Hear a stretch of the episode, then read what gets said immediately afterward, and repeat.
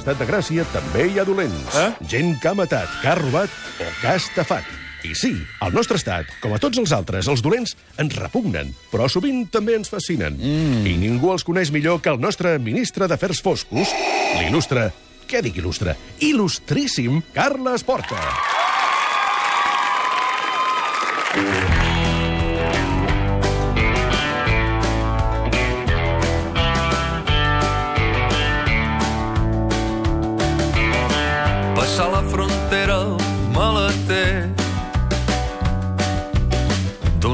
Mercedes verd i atrotinat. La primera nit en un caixer la següent sota el pont de la ciutat.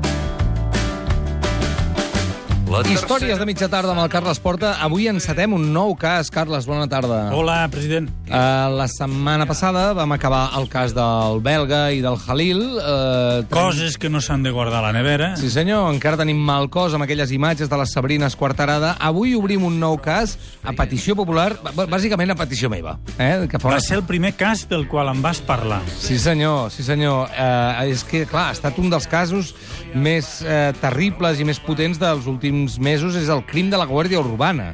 Però abans uh, d'entrar en el cas, el Carles Porta ens vol fer uns matisos i uns advertiments. Quins són? Efectivament, president. Ja saps que no m'agrada tractar casos que encara s'han de jutjar. No sóc gens partidari de fer judicis paral·lels o mediàtics i per això voldria remarcar un parell de coses. La primera, totes aquelles persones que vulguin formar part del jurat popular que jutjarà aquest cas no haurien d'escoltar el programa. Em sap greu, però si vostè, estimat oient, té ganes de ser jurat, li demano, si plau que no es deixi contaminar per les meves explicacions i que s'esperi a escoltar-ho tot directament a la sala on es farà el judici. De fet, per no ser exagerats, cal dir que només un màxim d'una vintena de persones poden ser escollides per sorteig. Una vintena seria la mostra, eh? després em queden moltes menys. Però si vostè està disposat a ser jurat, no ens hauria d'escoltar. I així, quan li preguntin, podrà dir que només coneix el cas de passada i no de manera detallada. Tot i que, i aquí entraré en la segona consideració, intentaré que el relat que sentireu sigui el més escèptic possible. Em basaré només en fets i, sobretot, en el que hi ha recollit al sumari. Intentaré, de totes totes, no fer judicis ni interpretacions. Com a molt us explicaré el perquè de les accions dels investigadors i per què ells sospiten en una direcció o en una altra. Però de cap de les maneres espereu conclusions clares i tancades. Això correspondrà al jurat popular. T'ha tocat mai fer de jurat popular? tu? No, no, eh? no, no, no, no sé si m'agradaria. La veritat és que la Difícil, meva eh? perspectiva d'observador, Clar. periodista, és més fàcil i fins i tot te diria que més divertida. Tot i que si apliques responsabilitat és important, però un jurat té molta responsabilitat. I a més hem vist pel·lícules d'aquelles... Com era aquella pel·lícula que un eh, membre del jurat, antiga, eh? Un membre del jurat aconsegueix fer canviar... 12 hombres sin piedad. Sí, senyor, aconsegueix fer canviar tota l'opinió de tots els membres del jurat, però, clar, li costa hores i hores i hores. Però, clar, tot és molt volàtil, hi ha moltes emocions, hi ha molta informació... Ha de ser difícil, ha de ser difícil. Aquí tindran un paper molt difícil, ja ho aniràs veient, tindran un paper molt i molt difícil. Jo crec que podríem avançar fins i tot el resultat, perquè és una cosa que legalment i tècnicament acabarà sent relativament evident, però hi haurà una qüestió fonamental i és qui? Qui va fer què? I això serà molt complicat. Ja ho anirem veient. Per això m'ha semblat interessant aquest cas, perquè s'ha dit tantes coses i sembla tot tan resolt que si la gent es fixa en com anunciarem les coses i què consta al sumari, bueno, té el seu intríngulis, té el seu intríngulis. Doncs- I, és... I això sí, prepareu-vos per un relat tristament apassionant. Ja sabeu que és trist perquè hi ha una persona morta i apassionant perquè aquest relat té tants elements com qualsevol novel·la de l'Agatha Christie. Som-hi, doncs. El sumari d'aquest cas l'obre el jutjat d'instrucció número 8 de Vilanova i la Geltrú el dia 4 de maig de 2017 a dos quarts de deu de la nit, quan hi truca el metge forense de guàrdia dient que s'ha trobat un cadàver dins d'un vehicle. Us estalviaré els redactats feixucs i aparentment absurds de les diligències judicials i policials i anirem avançant, però algun paràgraf sí que el llegiré textual.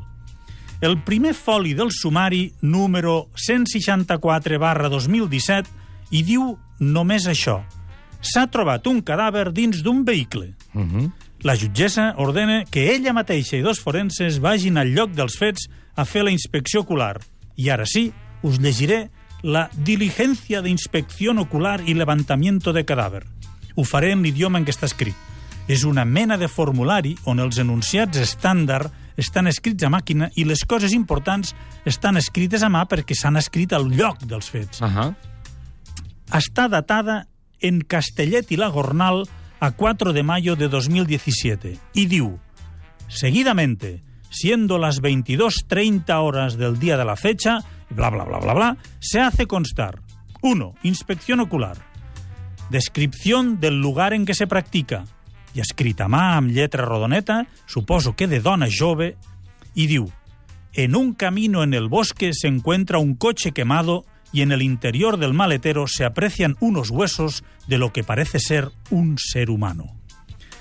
Atenció als tecnicismes que venen ara. El paper oficial diu Descripción del supuesto cadáver. Sexo. No se puede apreciar. Edad aparente, años. Persona adulta. Posición. De cúbito lateral izquierdo. Aquí la cosa seria entendre que està de costat mirant cap dins del cotxe. Uh -huh. Hábito externo, que suposo que deu voler dir que s'aprecia a simple vista. I la resposta és una persona adulta quemada plenamente. Lesiones externas. No se aprecian debido al grado de quemado. Es fa estrany, eh? Sempre llegir eh, aquesta manera tan escèptica de descriure una cosa tan brutal. És curiosíssim, és curiosíssim. Suposo que també és una manera de protegir-se. I, a més a més, si hi poses adjectius, la cosa Clar, sembla que sigui opinió. agafa color, exacte, sí Clar, clar, senyor. clar, clar.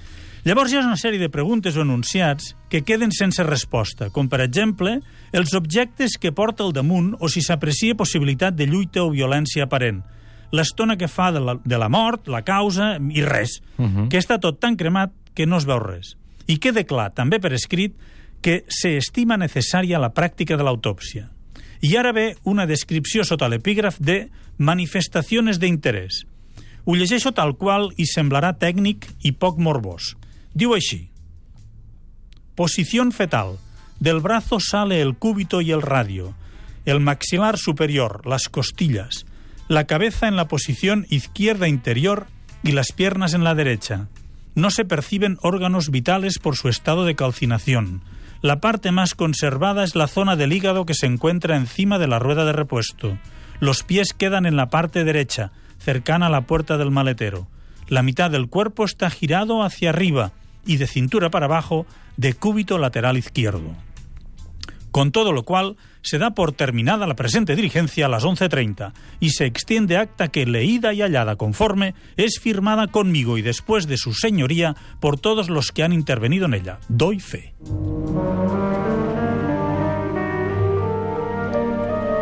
Si no m'he descomptat, hi ha la firma de nou persones. M'he deixat un detall. En el segon document del sumari, que es titula Auto de incoació i tràmite, és a dir, Què vol dir això? comencem el sumari, D'acord. la jutge diu textualment, al final de tot, se acuerda el secreto, y la paraula secreto está en mayúscula, se acuerda el secreto de las actuaciones por el plazo de un mes, salvo para el Ministerio Fiscal. Això del secret de sumari ho heu sentit milers de vegades en I totes tant. les cròniques policials. No? I tant. Doncs ja veureu per què ho remarco, ja vindrà això. A partir d'ara, abandonaré una mica el llenguatge jurídic perquè senzillament no és d'estil radiofònic. Només hi tornaré si ho considero necessari. A partir d'ara, em centraré en les coses que es van recollint en el sumari i els passos que van fent els Mossos d'Esquadra. En els següents documents s'especifica que a les 6 de la tarda del 4 de maig, El mateix dia, eh? dijous, sí, Sí. senyor, s'ha rebut la trucada a la comissaria dels Mossos d'Esquadra de Sant Feliu de Llobregat informant que hi havia un cotxe cremat en un camí forestal que comença al quilòmetre 9,9 de la carretera 2115 a prop del Pantà de Foix, al terme municipal de Castellet i la Gornal. Els Mossos informen que quan arriben al lloc el cotxe està totalment fred. O sigui, que el foc fa estona que s'ha apagat, uh -huh. molta estona. Per això posen a l'informe que el cotxe està totalment fred. La patrulla de Mossos que va arribar primer on hi havia el cotxe cremat van agafar la matrícula i van trucar a la central per veure si era un cotxe robat, cosa que passa moltes vegades. Algun lladregot roba un cotxe i després el crema per fer desaparèixer les empremtes. Mentre un dels Mossos truca a la central, l'altre s'adona que al maleter hi ha restes que semblen ossos, potser humans.